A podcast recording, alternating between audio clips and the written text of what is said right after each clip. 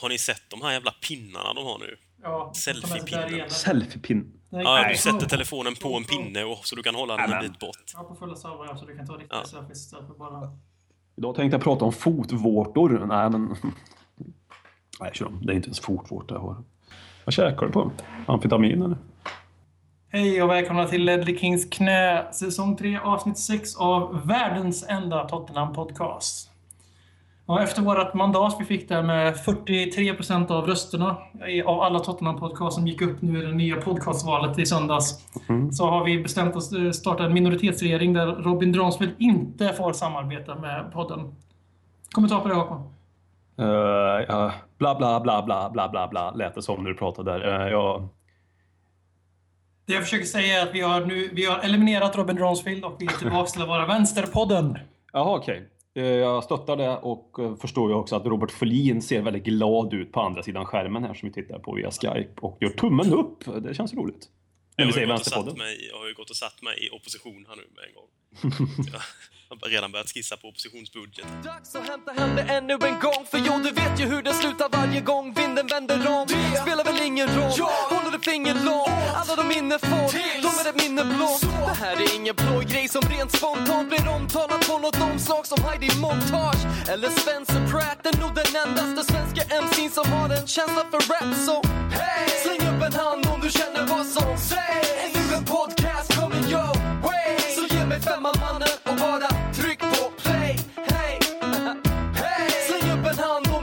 vad som sägs Är du en podcast kommer your way. Så ge mig femman mannen och bara tryck på play. Hey!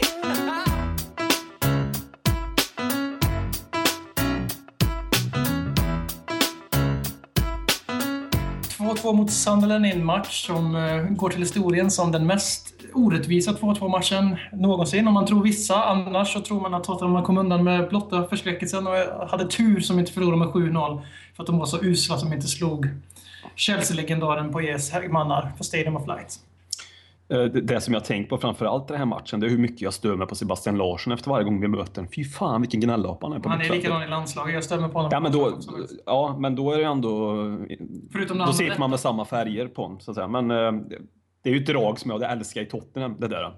Men när man är motståndare till den personen så känner jag tvärtom. Jag vet inte... Kommentatorerna lyfte ju det. Jag vet inte, ni hade väl svenska kommentatorer? Ja, jag mutar ibland ljudet för jag blir så jävla irriterad när jag hör dem sitta. Det känns som de sitter och hejar på Sutherland när jag sitter och tittar. Så jag, jag mutar ljudet, gjorde jag. Ja, Jag kollade på en engelsk eh, sändning och där så var det till och med de var på och flera gånger och påpekade att det finns redan en domare i den här matchen. Bara ett citat. Men alltså, Mm. så senare i halvleken så är man Sebastian Larsson försöker igen vara domare fast han säger Ja, alltid Seb extre, Larsson. extrem är han alltså. Han Ja, det är är... fruktansvärt. Ja. Alltså, helt otroligt. Han inte Väldigt osvenskt.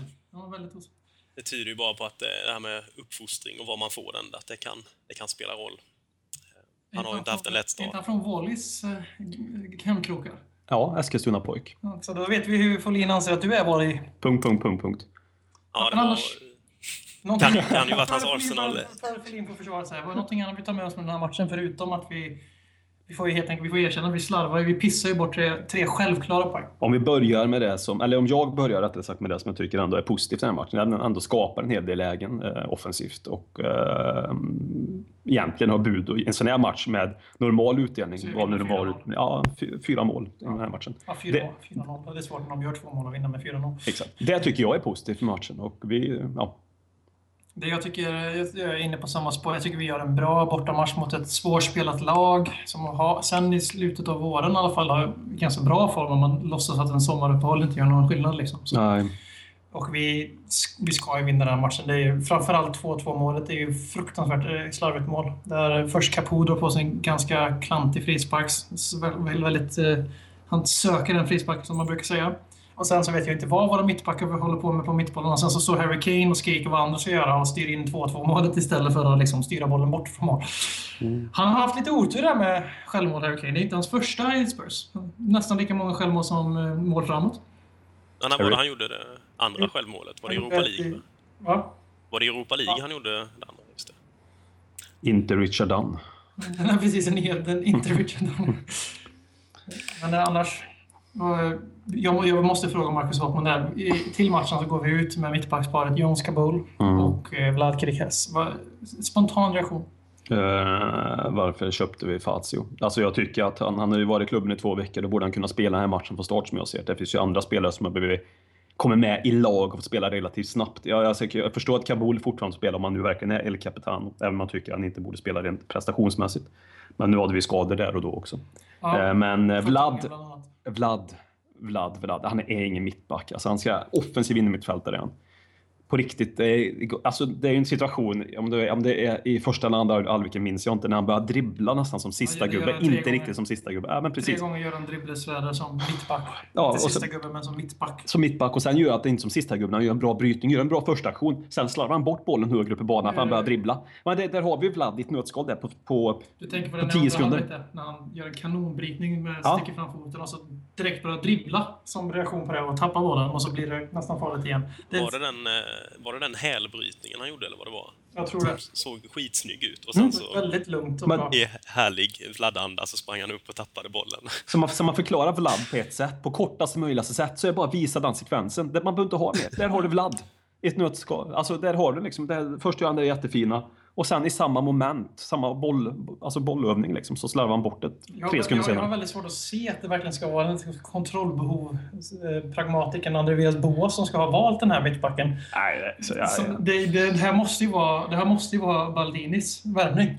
Jag kan inte för mitt liv tänka någon som hade så, ja, så, så, stor tilltro till taktik för individuell frihet så värvat den här offensiva tian som det, det kanske är något Italien-tänk eftersom Baldini var i Roma och Roma ryktades vilja ha Vlad nu i somras. Så kanske är logiken då. Kanske en Italien-tjusning. De brukar ju se mittbackar betydligt hårdare men det kanske är någon... Ja. Jag ser, jag ser Vlad, jag, jag ser en väldigt duktig fotbollsspelare i botten. Men jag, jag, har väldigt svårt att se att han någonsin kommer bli... Han behöver ju spela i ett lag som dominerar matcherna helt och hållet, eller i en mindre fysisk liga. Han är ingen mittback. Nej, det är också. Jag, sen, så, för att fortsätta gnälla på spelare så kan vi väl gå vidare till att äh, säga att äh, den, varken, varken Sandro eller Holpi var ju, gjorde mig förbannad för han gick in och gjorde ett väldigt fint inhopp i sin debut för klubben och det tyckte jag inte alls om. Så då gnällde jag på honom för att han gjorde ett, ett stabilt intryck och vann mycket bollar. Benjamin. Han gick in och smällde på direkt med. Mm. Det, var, det såg ju lovande ut. Såg bekväm ut i tempot framförallt. Mm. Mm. Men annars så saknar vi Nabil Bentaleb givetvis. Mm. Och ingen Paulinho och ingen Vertongen. Varför var inte dessa tre här med? Vertongen måste väl ha suttit på någon skada eller någonting va? Ja, för jo, han var ju också landslagsuppdrag. Det var ju både han och Bentaleb. Ben Nabil kom ju hem en dag senare än alla andra för de spelade matchen dag senare i Afrika också. Så. Men Paulinho måste ju varit petad.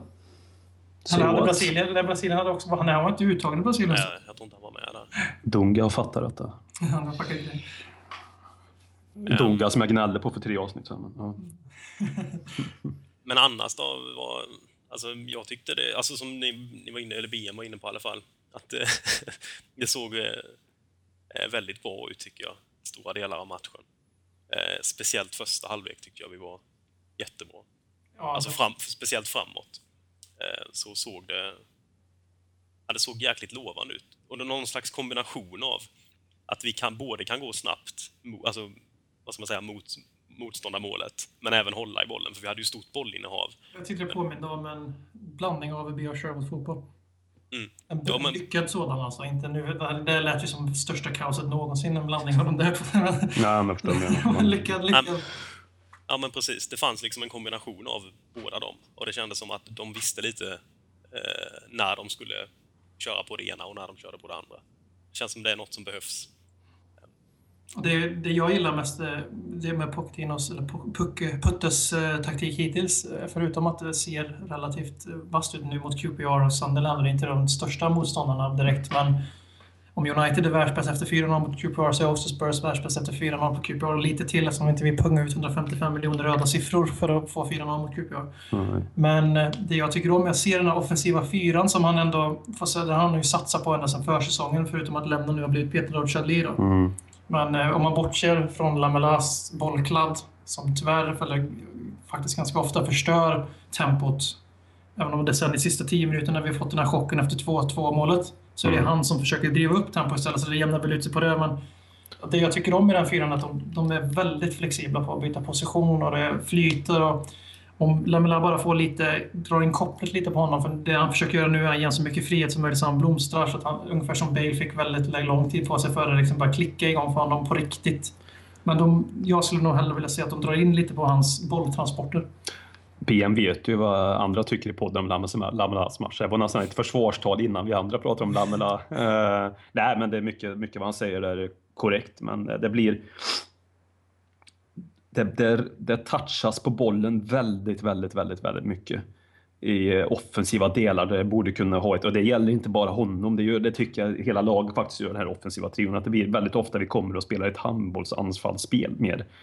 Uh, och sen förstår jag inte att man kan sätta ett genomskärning hela tiden. Men det, det, det, tror jag också nyckeln inte bara rör sig om Lamela, utan det, det, återigen, jag faller tillbaka på tjatet och tjatet som kommer att höra säsongen ifall han får spela där uppe. Det är Adebayor. Han funkar inte den här typen av fotbollslag fullt ut som en Roberto Soldado eventuellt gör, tror jag. Uh, jag tror han kan linka upp bättre med de tre där. Inte nödvändigtvis göra mer mål än Adebayor, det säger jag ingenting om. Men jag tror att fyran i sig skulle funka bättre med en Soldado än en Adebayor. Vad tycker du om det, Robert? Eh, jag håller med. Jag är ju en stark Soldado-förespråkare. Sen så kanske jag inte är lika anti Adebayor som någon annan i vissa andra i podden. Men eh, jag håller ändå med om att jag tycker... Ja, jag skulle hellre se Soldado där uppe. Jag blir ofta väldigt jävla frustrerad på det här med när Adde... När han får för sig, får ge sig ut på sina eh, utflykter ut på vänsterkanten för han ska stå och hålla i bollen ute vid, eh, vid eh, eh ja, typ nästan nere vid hörnflaggan. Jag förstår inte riktigt vad poängen är med att han ska vara där ute. Han har gjort det under tre tränare nu också. Mm. Vi liksom ja. trodde först att det var en taktikgrej mm. den säsongen när han, när han fick slut på mål. Vilket bilar han också. det är kaos nu i Stefan Löfvens Sverige. Det är Kronoparken, det är gangsterhood. Um, men också någon, den här eh, fyran, det såg väl ändå lite mer ut i den här matchen som att nu byter de positioner rätt mycket med varandra. Men att eh, Eriksen låg lite mer centralt. Ja, mm. han utgick centralt i alla fall. Ja. Sen flyttade de ut honom till höger där när de, när de bytte ut Chadli mot... Mm. Var, det, var det Lennon som fick Lennon spela vänster och mm. Eriksen höger? Mm, men jag tror det också, när en sån som eh, Kyle Walker är tillbaka, så tror jag det kan bli fint med yta för honom ute på högerkanten. För även nu, alltså Chadli är väl ändå liten som nästan mest håller en position. Även om han byter rätt mycket så är han mer ute på vänsterkanten. Medan Eriksen och Lamela eh, nästan byts vid lite om att försöka vara in i mitten båda två, för jag tror båda helst vill vara där inne. Mm. då kan det ju bli fin, eh, fin gata för Walker ute på högerkanten. Som Kommer Walker någonsin komma tillbaks då? Ja, jag hoppas ju på det. Det börjar, jag, bli, det börjar bli Ledley King-varning på Kyle Walker nu. Han har varit skadad väldigt, väldigt länge och vi får inte höra någonting om det. Så jag plötsligt droppar det här, så han ska, han ska opereras. Ja, det var Inget, en ingen tidslinje. Eller något, va? Ja, Walker hade väl, nu när han kom, det som, det som man kunde läsa om honom nu och hans tillstånd var väl att han hade, var det mag eller bukopererats eller vad det stod? Abdomen. Abdomen. Ja, det är buken va? Eller vad är det? Och alltså det, det, det är området. Det är ju inte, mm. men eh, det finns ingen mer ytterligare information. Han var med på lagfotot. Mm. Men eh, det, fan alltså det, det var länge sedan han gick sönder nu. Innan det så spelade han, han har ju missat två mästerskap i rad på skador. Och det första var ju en bruten tå i och för sig, så han ja, det... lite. Men... Brutna saker är inte så farligt. Nej, det är ju sådana alltså här saker som aldrig försvinner. Nej. Som, är, som alltså ger sig för. Mm. Kolla på Sjöbod. Ja. Innan det gällde King för all del.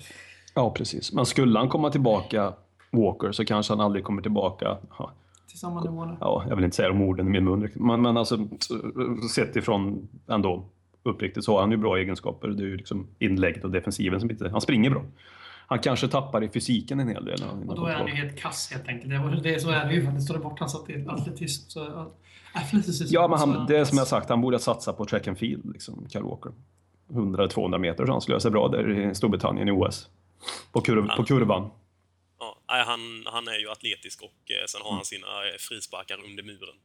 Som han, mm, han har ju bra skott. Han har ju ett ja. hårt och bra skott. Har han ju. Uh, nej, men det, är, det är ju synd. Alltså, jag, man, man, undrar vad det är för någonting. Det, man kan ju, jag kan ju lätt börja tro att det är någonting rätt allvarligt faktiskt. Det som det är så hyschers, det brukar vara väldigt allvarligt när Spurs är hyschers. Kolla Lamela som vi inte fick veta någonting om på vårsäsongen förutom det Sherwood sista veckorna när Lamela själv började lägga upp saker att han var minsann tillbaks. Jag tänker... Och Sherwood satt och förnekade och sa att han kommer inte spela mer. Och då hade vi inte hört ett jävla ljud om Erik Lamela i fan, två månader i alla fall. Nej. Ja, jag, jag, har ju gått så långt, jag har gått så långt att jag börjar tänka cancer till och med på honom. Jag vet inte. Den släpper vi bara sådär. Nej, det kanske inte behöver göra, men alltså, det är mina egna tankar om men jag vet inte. Marcus Håkman the exclusive. Kyle Walker har cancer. Nej, och, det- där, och därmed sagt så går vi över till... eh, Jag är orolig för det, jag bryr mig om det. Men vi är ändå, om vi ska summera, så vi är väl ändå ganska nöjda med... Jag förstod inte riktigt alla de här domedagsprofetiorna som spreds om hur dåliga vi var och hur eh, vi, skulle, alltså, vi skulle sälja klubben och plocka in arabägare som skulle spendera miljarder, miljarder på nya spelare. Ingen arab kommer någonsin köpa Tottenham, är inte det rätt uppenbart? Vi har inte avklarat det. här, Liksom. Ibland så får man faktiskt, man brukar säga att ibland får man eh, ge credit när motståndaren har varit bra också, inte bara leta efter fel i sitt eget lagspel. Och det tänker jag inte göra nu, för Sunderland var inte bra. De förtjänar inte någonting från den här matchen överhuvudtaget. Men ibland får man också säga någonting till Lady Luck, och vi hade inte någon Lady Luck. Vi hade lite flyt vid 2-1 målet, men Mm. vi förtjänar 4-5 bollar seger och det blev inte så. Det, har vi liksom, spelar vi så här bra resten av de 34 omgångarna, då kommer vi vinna Premier League. Men då, för vi, jag förutsätter att vi kommer ha, lite mer tur. Men vi kommer inte spela så här bra, för det var en bra fotbollsmatch. Man kan inte alltid stirra blind på resultattavlan och sen gnälla efter det, utan att titta på matchen också kanske. Alltså, det är ingen slump att defensiven ser dålig ut. Alltså, man får ju också sätta sig in innan matchen vad man tyckte och tänkte. Man såg defensiven och kanske förstå. för fan. Ja, men det där jag menar med defensiven och Ja, förstå jo. varför det, för det kanske såg virrigt ut på vissa mål. Eller på, jag tycker båda två borde kunna gå att undvika. Ja, Eh, jag tycker att vid första målet så är det dåligt understöd där från Dembele som kommer sent in och ska understödja Dyer. Eh, ingen supergroda, men man ska inte kunna åka slalom på det sättet. Det är inne i straffområdet kan jag tycka. Eh, men vi ställde liksom upp med eh, Dyer som egentligen är mittback. som egentligen är 20 mittback. Vi ställde upp med Vlad. Ja, Vi ställde upp med Kabul som inte är sitt livsform kanske. knappt Premier League-form. Och den nya guldgrisen hos alla förutom mig, Danny Rose. Eh, Mittbacksbeteende. Ja. ja, men alltså. Och vi ställde upp med en Dembele och en Kabul defensivt på innermittfältet. Som, ja, de gjorde inte bort sig, men alltså, det är ju den, det är ju den delen som kommer ta tid. Liksom. Eller? Ja, absolut. Liksom det 2-2. Det, ja, det, allting är väl sagt nu, men vi borde ha vunnit den här matchen och vi var inte så jävla dåliga som det förlåta. Däremot så är båda målen ska kunna undvikas och det, det är väl det som folk kommer ihåg. Vi ligger före Arsenal fortfarande i alla fall. Så fuck you, fucking cunts.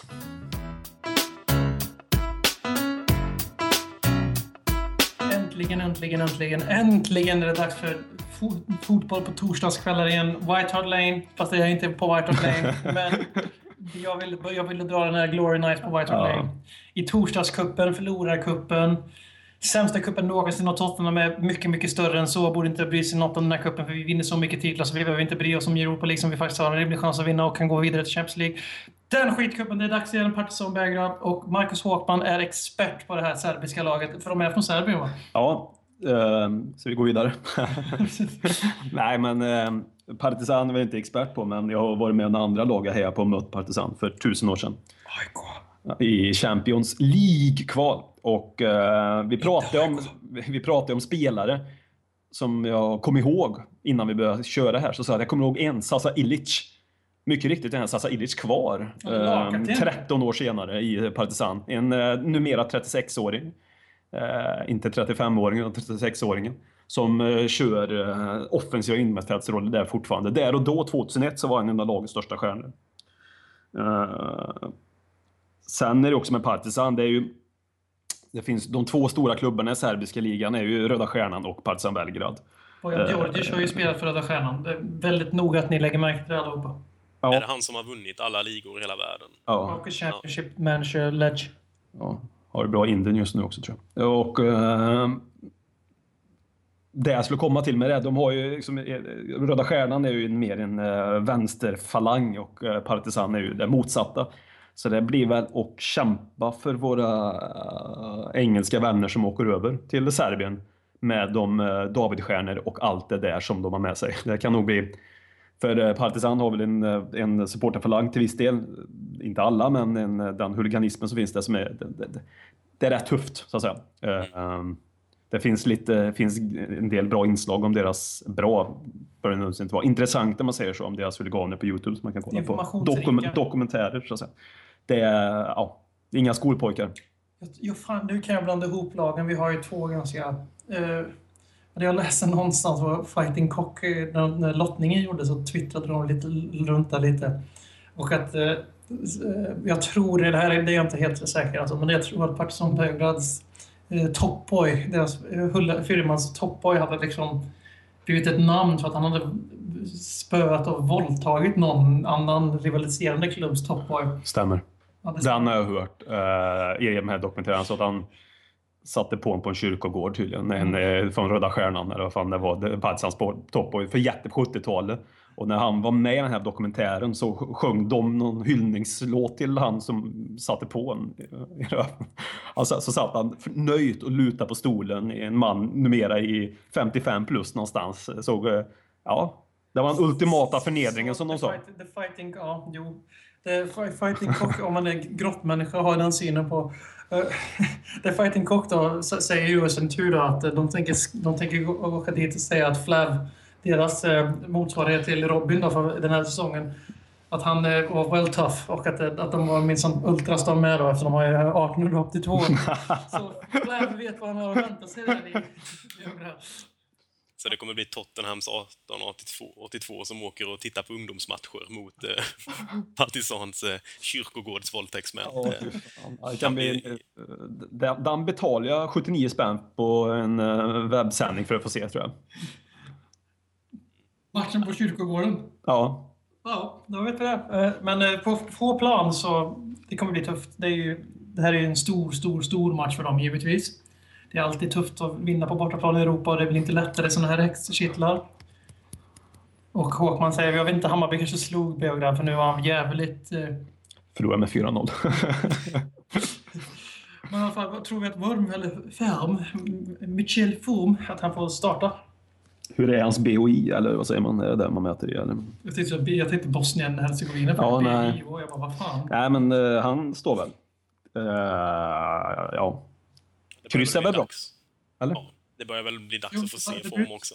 Vi kan behöva någon som slår motståndarna i njuren. Vi behöver en tuffing. Som hjälper 1882 där. får vi se, får vi se Får vi se någon av dem? Vänta, eller Paulinho? Vad tror ni är startelvan? Om vi ser det sista, är det ligastartelvan nu eller var det bara tillfälligheter? Tillfälligheter.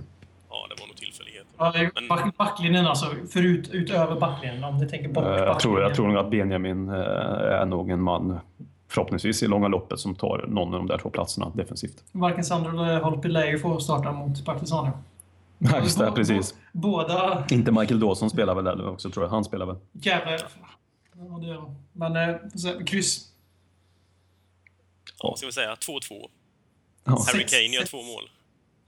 Är det, vad kan man spela på uh, din guldgosse Harry Kane? Som, ska man spela för honom som uh, skyttekungsvinnare av Uefa-cupen, säger jag? Ja, ja, det tror jag nog är ett ganska säkert bett. Eller vi får spela matchen i alla fall. Ja. Alltså, ja, det är frågan är om Soldado är tillbaka nu. Jag såg att han, han hade tränat idag i alla fall, så han lär ju åka med ner. Mm. Hoppas han gör en riktigt fin match. Mm, han behöver ju verkligen leverera de gångerna han får chansen. Man ska vara lite seriös. Han för att... har ju faktiskt gjort det hittills under ja, ja, jag tycker han gör det. Men alltså, han måste ju börja göra mål, mål, mål, mål, mål, tror jag. Um, som blir synligt. Är det veckans viktigaste match eller är det ligamatchen på söndag mot WBA som är ja, Ligamatchen säger jag. Ja, jag håller med. Ja. Gruppspel kan vi nog hanka oss vidare ja. ändå. Hoppas det, är det blir tufft dock. Jag tror det kan bli tuffare än vad vi tror den här gruppen. Men ja. vi sitter Belgrad framstå. Mm. vi, ska, vi ska fan med. Vi ska kunna vinna våra hemmamatcher sen knöa till oss någon poäng på bortaplan. Det ska ju räcka ett eller tvåa då. Grupps, I slutspelet kommer vi ändå få möta den jävla Champions League dropouten då. Så. Om vi blir tvåa, ja. Vinner vi så... Jag tror de delar upp eh, Champions League dropouten. Att de delar upp dem så att vissa blir första och andra blir andra. Jaha, okej. Okay. För det blir överskott på första sidan. Ja, det blir så? Okej. Okay. okay. För vi fick väl möta Champions League-lag förra året, var det inte så? Eller? Jag kommer inte ihåg. Nej. Vet vi åkte ut mot Benfica? Jo, vi åkte ju för fan ut mot Benfica. Ja, jo, men alltså i första rundan tänkte ja, jag på. nej, Dnipro var inte med. De var med i Champions League. Ja, Dnipro vi mötte, ja. Mm. Skitsamma. Det, jag vet inte hur mycket vi vill säga om VBA. Det är väldigt svårt att spekulera i en match när det ska spelas en match emellan. Och skador och form. Och, men eh, tror vi att Poch kommer ta med det starkaste laget till Belgien, eller till Belgien, till Serbien eller kör han och lämnar han några hemma? Sparar dem till matchen på söndag? Kabul tror jag inte kommer åka med ner. Det känns onödigt att riska honom. Dyer har ju spelat rätt mycket också. Loris, vi tror alltså att Loris och Kabul inte kommer spela. Det betyder att Emanuel Adebayor kommer bära binden på torsdag. Han kommer inte heller spela, tror jag. Nej, jag tror också han, får, han såg ganska trött ut i, i lördags, så han kan nog behöva vila lite hemma i sin, eh, sitt kassa. Ja, Mike Rip. Life is good. Ja, ja. Det är skönt att se han med binden där snart. Men, men sen jag vill ju också att det här, alltså när vi spelar i Uefa-cupen, som vi väl ändå får kalla det, tycker jag. Så, ehm, så tycker jag ändå det är viktigt att vi inte att vi inte slänger in vad som helst. Nu har vi ju en, en bred, bred trupp, så vi kan ju ställa upp med ett B-lag som ändå är alltså, ett starkt lag, där flera spelare lika gärna kunde spela i A-laget. Det, det är ju det vi har diskuterat. Vi har väldigt mycket, vi har väldigt jämn kvalitet på truppen. Det är mm. stjärnspetsen som saknas. Sen kommer vi ta den här turneringen på riktigt också. Ja, jag hoppas det med. Ja, det, är, ja, men det är ju en Champions League-plats i grunden. Det är nog största chans att ta Champions League-plats. Jag är helt övertygad om att det Ja, tror jag också. Och ja. Även om eh, det är, ju, det är ju nog order uppifrån att ta detta på riktigt, att stort allvar. Eftersom det finns den... Porch är ju inte en stort fan av den där turneringen. Han såg ju den med fotknölarna. Man, ja, Men nu har han ju ändrat sig också när han sa att nu ger det en uh, CL-plats i, som titel. Var det inte så Robert? För mig du sa det, att han hade bytt lite åsikt om jo, det där. Det var han, mm. Eller blandat ihop med någon annan. Där. Men sen så... samtidigt, Uefa-cupen, jag menar det är en av titlarna vi pratar om att Tottenham vann på 70-talet väl?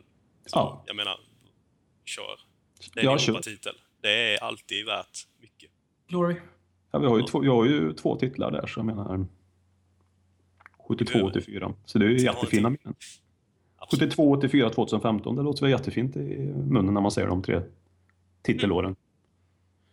Vi har varit inne på det, vi har varit inne på det förut, men eh, nu vill jag läsa en fråga från eh, Andreas Fransson. Fransson förlåt. Eh, jag måste läsa hans Twitternamn för det verkar vara ganska roligt. Apan B97. Han hälsar på Twitter och frågar Ta gärna ett snack om Kabul som nu är officiell lagkapten och har haft binden ända sedan då som blev såld och även innan då för då så fick inte spela. Är han ens en startspelare i dagsläget tolkar jag frågan som. Håkman? Nej. Startspelare, ja. Ja men kaptensrollen har inga problem med att han ska vara någon första kapten. Varför det? Vad sa du? Varför det? Det är för att han, utav de som jag sett ute på planen så verkar han ta något form av ansvar. Sen, texterna, som jag sa tydligt sen med stor eh, tyngd i. Han borde också, som jag BM varit inne på, så det är inte jag som ska få cred för den här, här att jag såg att det var ju mer det här att han borde ta mer ansvar till spelarna också. Han är väldigt ofta framåt domaren och diskuterar försvarar sina spelare om de är väg på ett kort eller någonting. Så jag argumenterar med dem. Eller när han själv får frilägesrött. Ja, men han borde liksom som där när Vlad kör de där, alltså det är inte bara Vlad nu, men nu gjorde ju Vlad det, det kan vara vilken spelare som helst, när han gör de där idiotsakerna långt tillbaka, det är då han ska skälla ut Vlad. Eller skälla ut, det behöver han kanske inte göra. Till, Säga till i alla fall. Det, det, det, det, kanske han gör, men jag såg inte det i alla fall. Det är första gången jag, alltså Kabul har ju alltid varit en av de här hockeykaptenerna i klubben, känns det som, sen för evigt. Det är alla fall ett gäng år nu som man har haft bindel minst en gång varje säsong. Mm. Så han är ju uppenbarligen ledare. Mycket är ju för att man belönar alltså folk som är kvar länge och de känner klubben utan och innan. Och vi hade ju Michael Dawson innan som inte var... Han spelar ju inte varit, han har inte varit ordinarie på något sätt sen AVB kom. Även om han tog tillbaka sin startplats har han varit skadad och blivit petad i olika omgångar. Och han har ju ändå varit en liksom, odiskutabel lagkapten. Och det här är väl liksom en ganska naturlig arvtagare. Är det att I dagens fotboll så behöver du kanske inte vara den här lagkaptenen som spelar 90 minuter varje match, för det är jätte, jätteviktigt. Vi ser fler och fler sådana symbolikkaptener, Cristiano Ronaldo och så vidare. Men det är nu när jag såg Kabul verkligen som den jag har tagit för givet skulle vara klubbkapten. Så, så tittade jag på honom på ett annat sätt mot eh, det där laget vi mötte sist, Sunderland. Mm. Och då så reagerade jag på att han inte tog ens sin mittbackspartner, Check, som alltså det var ju tre gånger han gjorde någon sån här idiotisk backräd. Men han verkligen dribblar sig upp från straffområdet basically. Och liksom, då tycker jag att både som mittbackspartner i sig, men framförallt som lagkapten och tio år äldre än den här glada, vodkaglada mittbacken så ska man ju säga ifrån. Det ska man. Men det, det ska man. Ja. Sen vi, alternativen var ju Hugo Lloris och Jan Vertongen är de där ryktats som mest. Vad tycker Folin om de två? Nu fick ju också eh, Lloris en av vicekaptensrollerna. Mm. Ja, jag är ju väldigt svag för Hugo. Eh, och, men jag kan väl samtidigt jag kan väl vara nöjd med att han är vicekapten också. Ja, först är det, ja, det är ju lite det här också med, eh, liksom, ska en målvakt vara lagkapten? Det funkar ju ibland. Kanske i vissa fall att man vill ha någon mer som är ute på planen mittbacksrollen inne mittfältare känns ju som de optimala platserna att ha sin lagkapten på. Eh, om det nu spelar någon roll. Men jag är bara glad att han är med som en utav dem, för jag tror att han kommer få ha binden rätt mycket. Ehm, För just nu, det du sa om Kabul innan, om han är en startspelare. Jag tror kanske nu, de kommande veckorna, att han är det. Men på sikt så... Eh, Fertongen tror då? ju att Ja, Fertongen... Inte Michael Dawson. Ja, eller eh, vår käre rumän. Håkman eh, gick på sitt ett ben. Han hoppade Nej. iväg. Ja.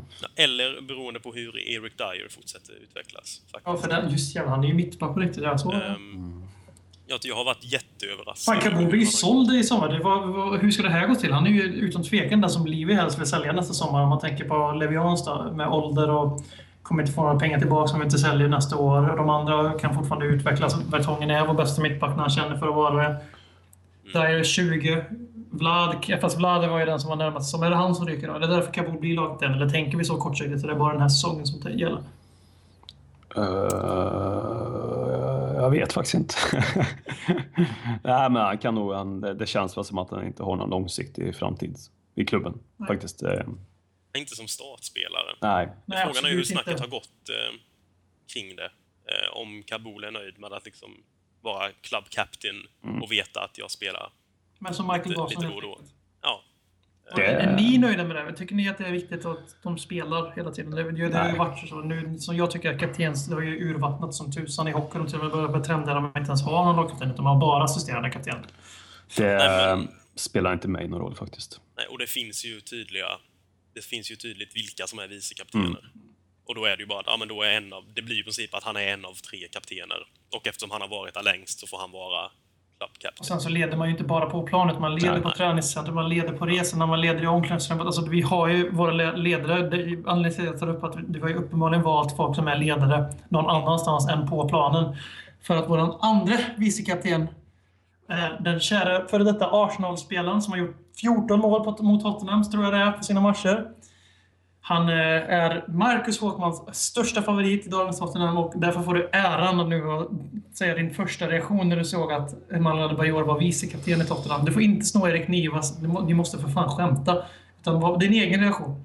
Erik Nivas reaktion är för PK just nu känns det som. Ehm, till att börja någonstans. Men alltså grejen är den att man ska vara lite seriös med att eh, förutom raljera eh, så kan jag tycka att det sänder konstiga signaler utifrån hur jag ser bedömningen av Adebayor. Han har liksom inte, till att börja med så är han eh, en person historiskt sett, det kanske, kanske han inte ska vara lastad för, för han har gjort historiskt hela tiden. Han är ju ingen la, laglojal typ så, där, så att säga. Han tänker ju på Adebayor första rum och det får han ju göra, det är ju fine by me liksom. Men, eh, ja, han har ju dessutom varit en fiende, en fiende som har skadat oss jävligt mycket genom åren och inte bara då i Arsenal utan även i Real Madrid en kvartsfinal 2010, eh, 2011. Eh, Så det var också fel. Men sen, alltså, vad sänder det för signaler? Liksom? Hur, hur, hur, hur lågt ligger vi ner med våra, med våra karaktärer i laget när Adebayor sopar hem sig en vice eh, kaptensroll? Bara, liksom, hur,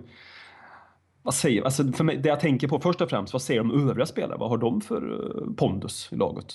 Alltså, sen vet jag folk som har sagt, nu lägger jag ut texten i all evighet här, men då vet jag folk som har sagt att Adbajor är, en, är den största glädjespridaren eh, på arenan. Jo, jo, men vad fan. Men, han känns ju inte som någon ledare för mig. Och det är ju inte Lionel Messi heller, men vad fan. Vi behöver inte haka på världens jävla trend att kapten kapten vem ska det bli? Vad, vad skulle Dave McKay säga om detta till exempel? Eller Danny Blanchflower, vad skulle de säga? Är ju inte vår symbol heller på samma sätt som Messi är Barcelonas. Nej, men det känns som man blir det. Jo, Eftersom det känns som man... Det är ungefär samma typ av Kan- befordran. Exakt.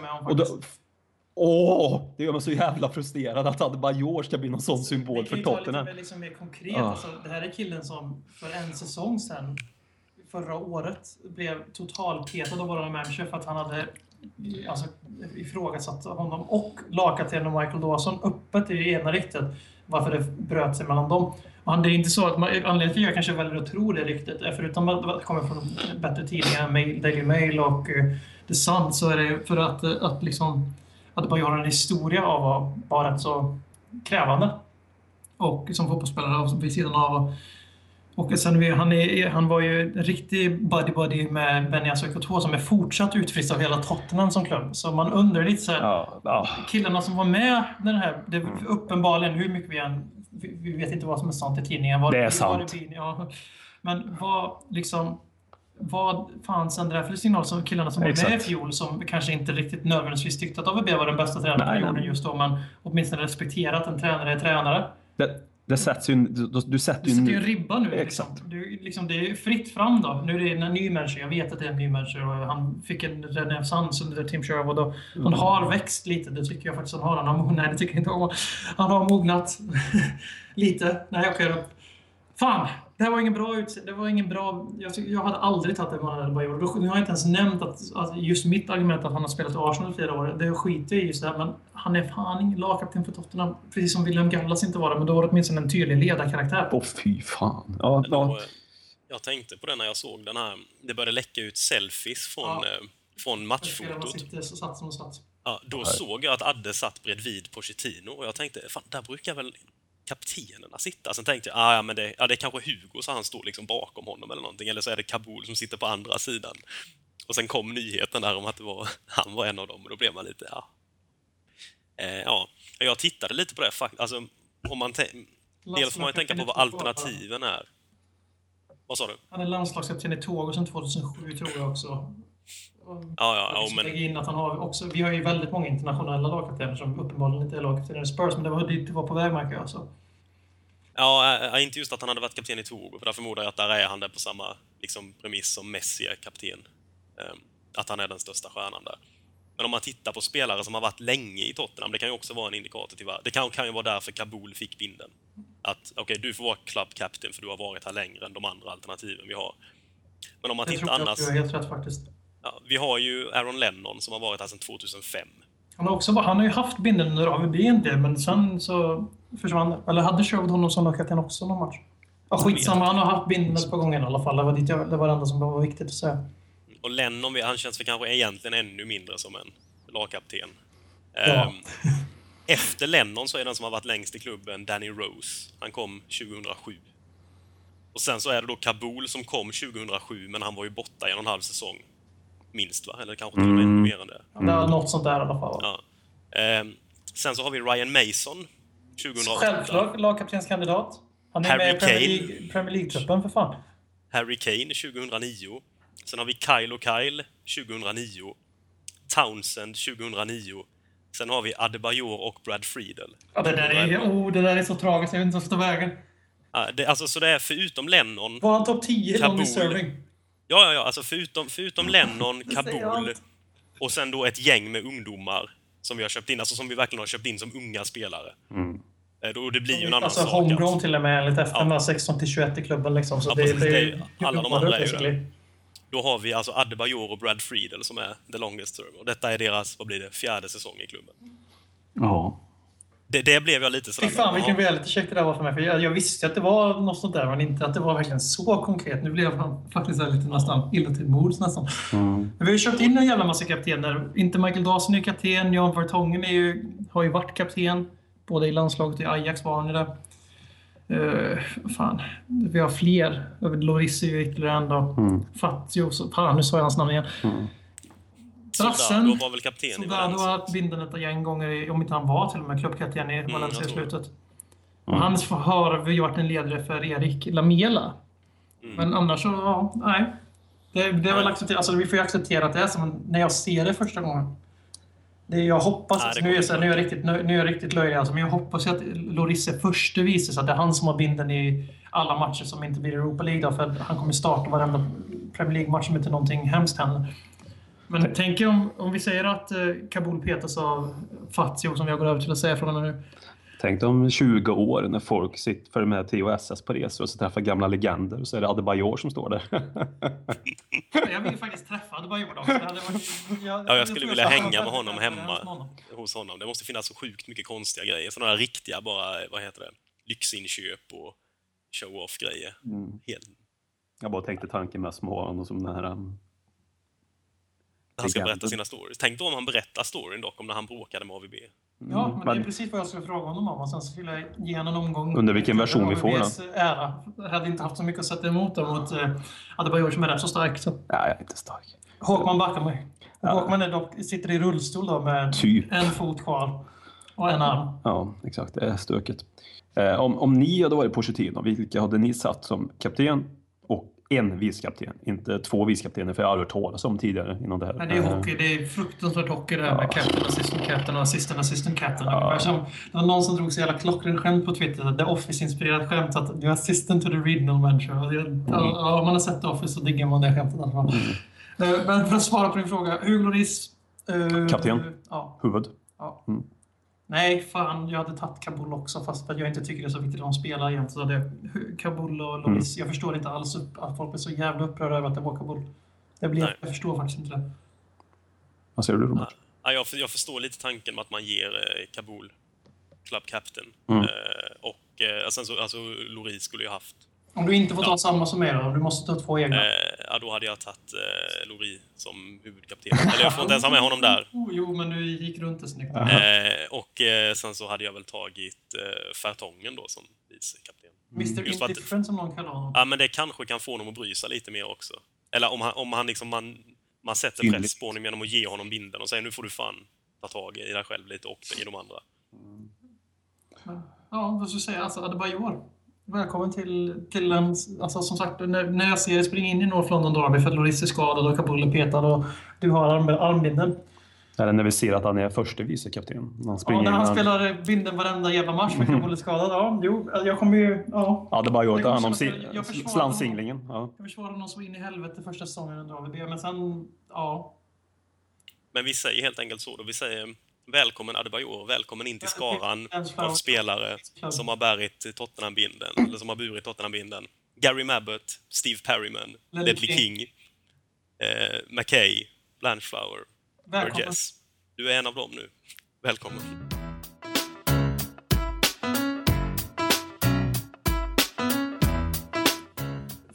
För att ge Håkman lite tid att andas för han går lös i en Håkman-show så tänker vi slänga in det nya, nya surret för veckan som alltså är det här att företaget, investmentbolaget Kane Hoy som bekräftade någon gång i förra veckan att eh, de var intresserade av att köpa klubben varpå Tottenham gick ut och dementerade.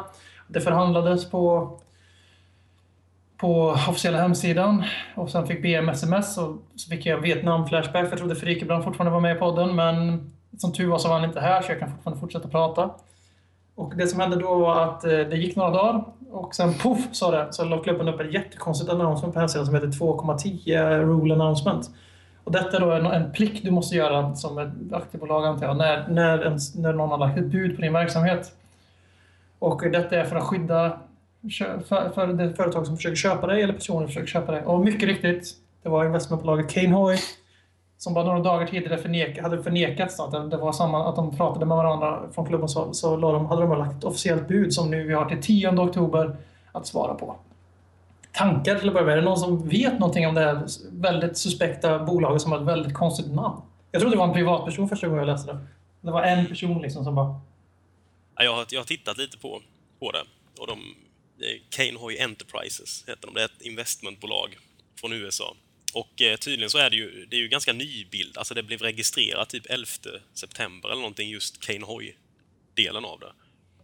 Och det är ett gäng ett, av tidigare anställda på eh, Guggenheim. Det har man väl hört talas om. Det är ju ofantligt stor.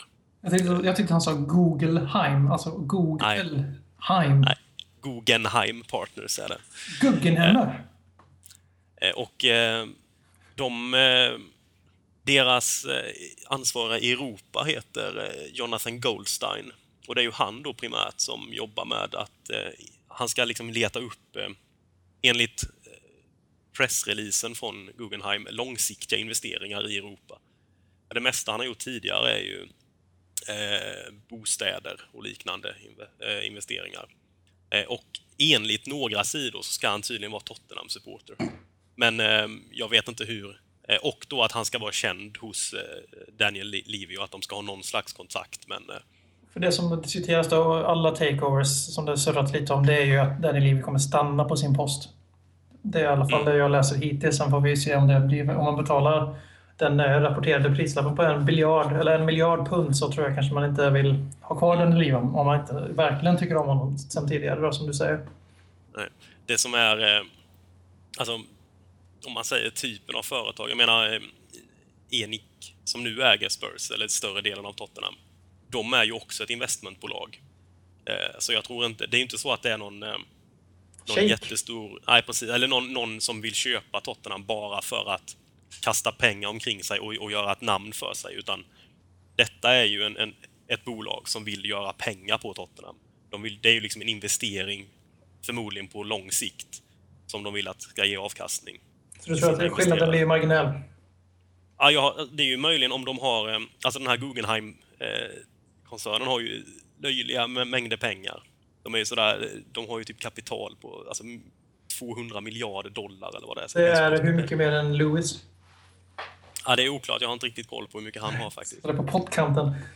Ehm, Men eh, deras VD är ju gift med sin 30 år yngre yogainstruktör. Så det är ju lite sådär, jag vet inte vem Louis är gift med riktigt, men det kanske är något liknande. Nej, men Och det är som du säger också, den här, eh, det de publicerade på sin hemsida nu, Tottenham, det är just ehm, de måste lägga upp information om sina aktier på grund av att de, har- det har registrerats ett officiellt intresse i klubben. Eh, om man tittar på det här eh, meddelandet som Tottenham la upp på sidan så kan man ju se att det står 5 pence Mm. per aktie. Det är ju liksom, det är ju inte det riktiga värdet, det är bara något, det måste stå ett värde där i. Och i sådana här fall så sätter man bara ett lågt, så det är inte så att priset på Tottenham kommer vara 5 pence gånger 400 vad det nu är. Nej. Eh, utan det kommer ju bli, förmodligen bli lite högre. Det kan liksom, det är, marknads, det är marknaden som sätter priset på det. Det är inte Den, den kunskap jag har av det som du, förutom det som du mycket excellent drog upp där, det är att de har, när jag sökte Kane Hoy på Google, den första träffen var det Kane Hoy Stable, typ, någon sorts ridsports, Mm. eh, vad heter det, travhäst, eh, skit. Så jag bara, nej för, för helvete. Jag tänkte börja kolla över vilket lag samlaren BM skulle byta till. Och Bayern låg nära till hans där, eller Östersund. Eller någon annan klubb. Före Mm. Håkman slår mig. Välkommen. Men i alla fall, för att få hålla fast vid ämnet här så vi har fått en fråga från eSpurs Sweden på Twitter som säger det hade sagts i ett annat program redan, men ny ägare i sinom tid. Vad vill och kan vi få för några? Kan tiden gå utan att vi säljer vår själ? Alltså kan vi helt enkelt, vad vill vi ha för köpare? Och kommer vi liksom sälja själen? För vi, det brukar jag faktiskt tycka om lite självgott att säga att vi må ha en jävligt rik ägare, men när folk pratar om plast och rika klubbar så nämns fan med aldrig oss. För vi sköts som ett företag, inte som en eh, fotbollscirkus. Men Håkman, vad vill du ha för typ av ägare? Vill du ens byta ägare till att börja med? Inte till det här som vi pratar om nu direkt, känner jag. Um... Det är alltid väldigt riskabelt att göra den grejen och byta ägare. Det kan, eh, kan väl hålla skeppet som det var tidigare, kan också gå åt helvete. Men de här, alltså det känns byter runt de här känns ju, vi kommer inte gå åt helvete känns det som någonstans. Det kommer inte hända någonting. Eller så kommer det göra det. Alltså det som oroar mig det är liksom bristen på kunskap om fotboll. Och det kan man ju tycka, när vi pratar om så mycket pengar så kanske man inte behöver ha kunskap om just fotbollen utan det är liksom in och utgifter som man ska ha koll på och kunna balansera och allt det där. Alltså det, ja, det är inte en liten eh, fotbollsförening på det sättet längre. Det är ju liksom en det är business. Liksom. Och det är det som gör ont i mig att fotbollen har blivit så jävla mycket business. Mm. Men det är som du är inne på där Håkman, den här, eh, detta företaget, eller bolaget, har ju ingen... Det är möjligt att de har något baseballlag eller någonting sånt. Och sen är det här häststallet är ju faktiskt deras, alltså det är Guggenheim-familjens häststall som den är döpt efter den här, eh, detta bolaget. Så ju- Eh. Kane Hoy out enbart därför. Vad fan ska vår nya arena heta då? Hästpolle Arena eller Kane Hoy Stadium liksom. Då kan jag aldrig åka dit. Jag öppnar en öppning här nu. Om de har ett baseballlag så finns det en öppning här för en eh, fin framtid. Då. Ja, jag är inte helt säker, jag såg någonting om det, men jag har inte hittat något alltså vilket lag det är. Nej. Men jag såg det bara när jag skummade igenom någon artikel. Men alltså det flest som han eh, eh, Goldstein som då är VD för deras investeringar, eller chefen i Europa om man säger. Mm. Som är deras Skulle han, head skulle här. han ta Livis roll eller? Ja, det är ju oklart, För det känns om som att han skulle det- vara Livi. Alltså de har alltså Ja. VD snarare än ägare och så vidare. Mm. Och där är ju den grejen att Livy hade ju faktiskt, han hade väl varit i Rangers innan han kom till Spurs tror jag. Mm. Ehm, och, och ändå haft någon känsla för vad fotboll är. Jag är lite orolig, för jag vill inte ha in någon som... För okej att du kanske inte behöver känslan när det gäller att, att dela ut pengar till vad du ska köpa in i klubben, men lite hur du beter dig mot Det tar ju supportrarna. tid att bygga upp och precis liksom förstå. Ja, du måste ha en känsla förstå för- för supporterna. Mm. Men för det jag känner, jag tycker vi kan... eh, Jag tycker, eh, för jag är väldigt konflikt, konflikterad i de här frågorna när det gäller Inik och framförallt Livi då, men det är svårt att klaga på ekonomiskt hur vi sköts, vi växer och vi är en seriös toppklubb i England nu. För lite för att toppen har breddats och blivit mer acceptabelt i resten av världen. Lustigt nog när United och Liverpool och bland annat missar Champions League, då blir det helt plötsligt helt okej att säga att topp 7 är bra. Det är svårt i England. Det är topp 7, det är, liksom, det är tufft och det är hårt. Och, men det krävdes att United missar Champions League för den ursäkten skulle accepteras, då, som vi ändå har sagt jämt.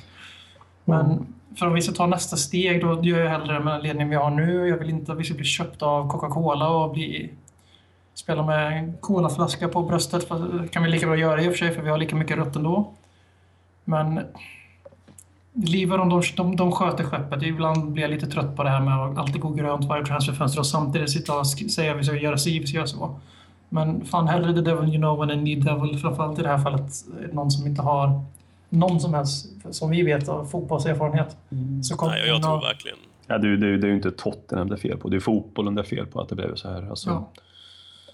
Ja, det har ju blivit en konstig slags kombination. För, alltså, fotbollen kommer ju från någon slags föreningslivsbakgrund, får man väl ändå säga, en gång i tiden. nej, och sen så har det... Nej, men... Tiden och irländska präster ja. grundade en av Storbritanniens största klubbar för att hjälpa fattiga immigranter i Glasgow. Den tiden är ganska långt Ja, alltså, men den kommer i vilket fall från en annan Ja, ja men precis. Ja, men det är det som var min poäng, att det kommer från en sån. Mm. Ja, och det, att det nu kolliderar med eh, alltså ett företags tänk. Mm. Det, det, finns ju en anledning till att göra det, men det finns ju en stor fara i det också. Jag tror att, som du sa, att byta från en djävul till en annan, så tror jag detta är en betydligt värre djävul ja. att ha. Just med tanke på att man vet inte riktigt vad de... Möjligen kanske att de är lite rikare, men vad vet de egentligen? Vad har de för känsla om? Det är skillnad på att driva Tottenham Hotspur och driva liksom... Budget a rent car, liksom. Vad fan det... Um, det är inte samma grej. Så vi är alla tre väldigt eniga. Vi vill inte ha Kane Hoy, men vi ska väl också tillägga att det, som sagt, Joe Louis verkar vilja ha en miljard pund. Det är rätt så hyfsat med pengar. Och eh, det, detta vill han ha trots att vi har en svindyr arena som aldrig någonsin blir färdigställd och aldrig ens kommer börja byggas, verkar det som. Men, men kommer det in några nya, om de skulle få den här dealen att gå ihop, då, är det någon, då borde det finnas någonstans det indikationer ja, att, att, att, att den kanske kommer bli klar alltså på pränt. Det fattas bara någon detalj. Det, så måste, det, ja, annars går de ju inte in och köper Tottenham för 10 miljarder ungefär. Sen är det liksom, vi måste inte, vi måste inte heller, klubben måste inte sälja det. Vi har ingen utköpsklausul på klubben. Så liksom, utan det är mest att det, det finns ett bud, det finns ett intresse, mm. trots att Tottenham sa tvärtom. Mm.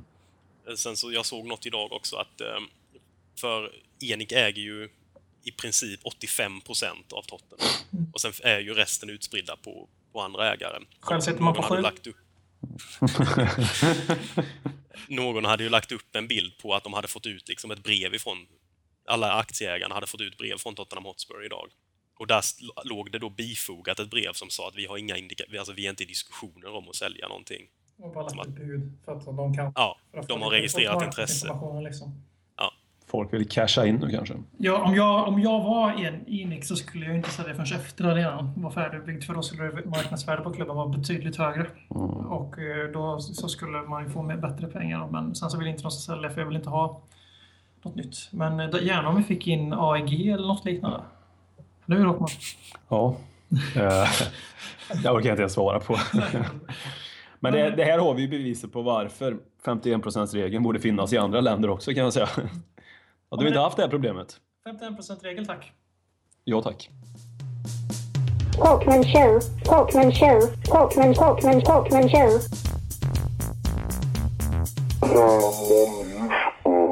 Ja, idag tänkte jag prata om selfies som tas när spelare tar lagfoton. Så specifikt ska jag vara detta ämnet. Selfies överlag borde jag väl kanske avhandla detta eminenta tillfälle för mig att få prata ut ostört och raljera över saker som stör mig med moderna, modernheter. Här. Modernheter var också ett nytt ord. Uh, selfies, man såg ju inför lagfotot, om det var igår eller förrgår, jag minns inte riktigt, helt orelevant. Igår och förrgår blir måndag eller söndag för oss som sitter och spelar in det här på en tisdag. Det var att under tiden när fotos idag så såg man ju, jag vet inte hur många jag såg, jätte, jättemånga, för många för att jag egentligen så känner mig bekväm i det. Det är för många selfies, det är så selfies hela jävla tiden. Eh, ta det där lagfotot, städa av det, gå hem liksom. Det tycker jag någonstans. Kanske dra en liten Twitter om att man drar den där. Men selfies är, blev en, en ny sätt för folk att eh, narcissist höja sig själv och sina sina egon, så att säga. Det är ju enbart det det handlar om, att synas och ses och vara med. Och det är lite roligt att en annan pratar om det som har en egen punkt i en podcast kanske. Men i alla fall så out med selfies. Och så kan man ju fråga sig, som Folin sa innan vi spelade in, undrar när första selfien som kommer under matchen som en målgest. Ja, jag gissar på säsong 15-16 utav Adebayor i Arsenal. Tack. Talkman show, Talkman show, Talkman, Talkman, Talkman show.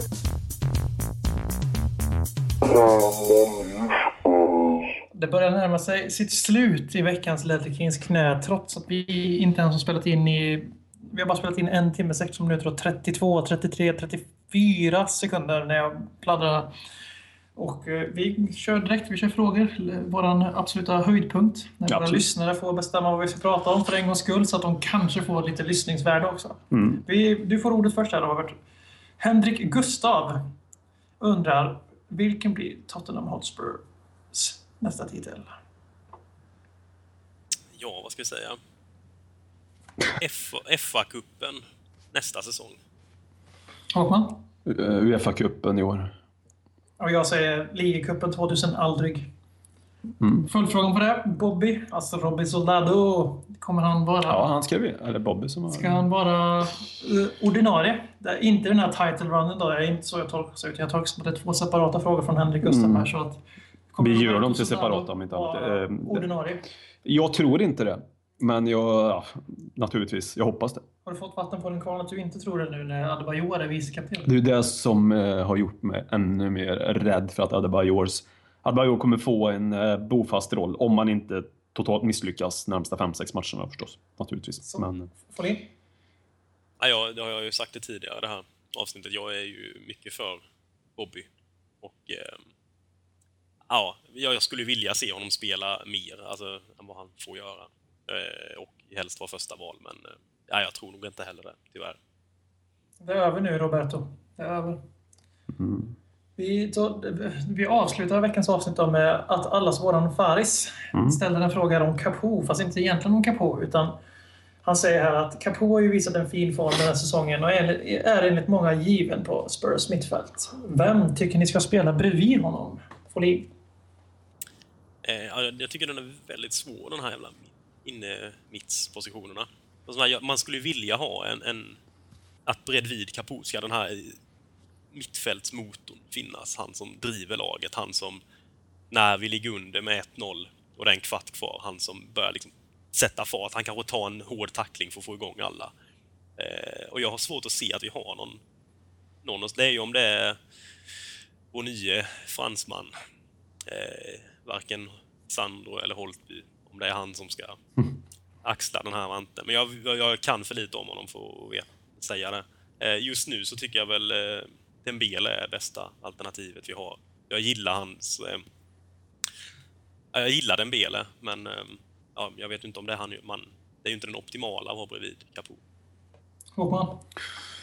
Nej, det är väldigt bra sagt, tycker jag. Ehm, här och nu väljer jag också Dembele. Um, men hoppas väldigt mycket på Stamboli, Benjamin. Ehm, att han ska vara den lite mer tvåvägsspelaren med lite attityd och lite uh, elakhet i sig, så att säga. Utan för hans saken spela fult, men ja. Det är väl det man vill få ut från den positionen lite. Det är som att Capo är, blir väl lite lugnet, eller den, den stabila på Mm. mitten som ska liksom bara ligga rätt och samla upp. Slår, slår rätt passningar och många Ja. passningar. Han har ju slått med topp fem passningar i Premier League tror jag läste någonstans. Framförallt vill man ha en vänster, en central och en högerhalt där kanske också. Ja, just det. Ja. Det är riktigt. Jag nominerar Nabil Bentaleb och det behövs ingen förklaring för det är så självskrivet. Och eh, med de orden så får vi tacka för oss den här veckan. Så får vi hoppas att ni är kvar nästa vecka när Marcus Håkman och Robert Flin utlovar fem timmar sändning om Spurs 1920-tal. Vi Det ses då. väl bli något sånt. Vi fortsätter väl, jag och Folin här nu. Eh, och, eh, Ja, vad har vi? Är det 3-2-5 den här gången? ja. ja. Nej, men... Ja, trevlig helg. Dags att hämta hem det ännu en gång För jo, du vet ju hur det slutar varje gång vinden vänder om. Det spelar väl ingen roll, håller du finger långt. Alla de minne får, de är ett minne blått. Det här är ingen plojgrej som rent spontant blir omtalat på något omslag som Heidi Montage.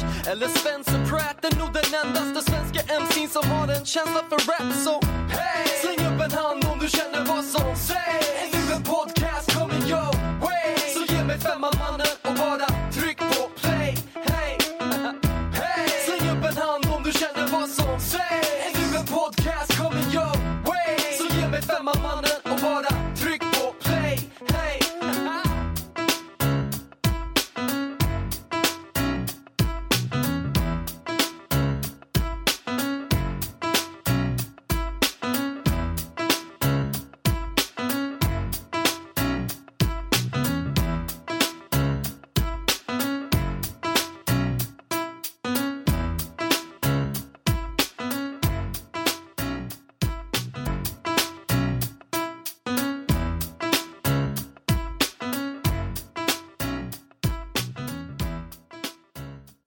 här, de här pinnarna blir jag intresserad av. Vadå? Det är Delar sådana de, statyer du håller så här, så gör så här. Ja, så så delar de ut dem på arenan? För de, alltså, Nej, nej, nej, de har med sig till arenan, turister oftast. Ah, skjut dem.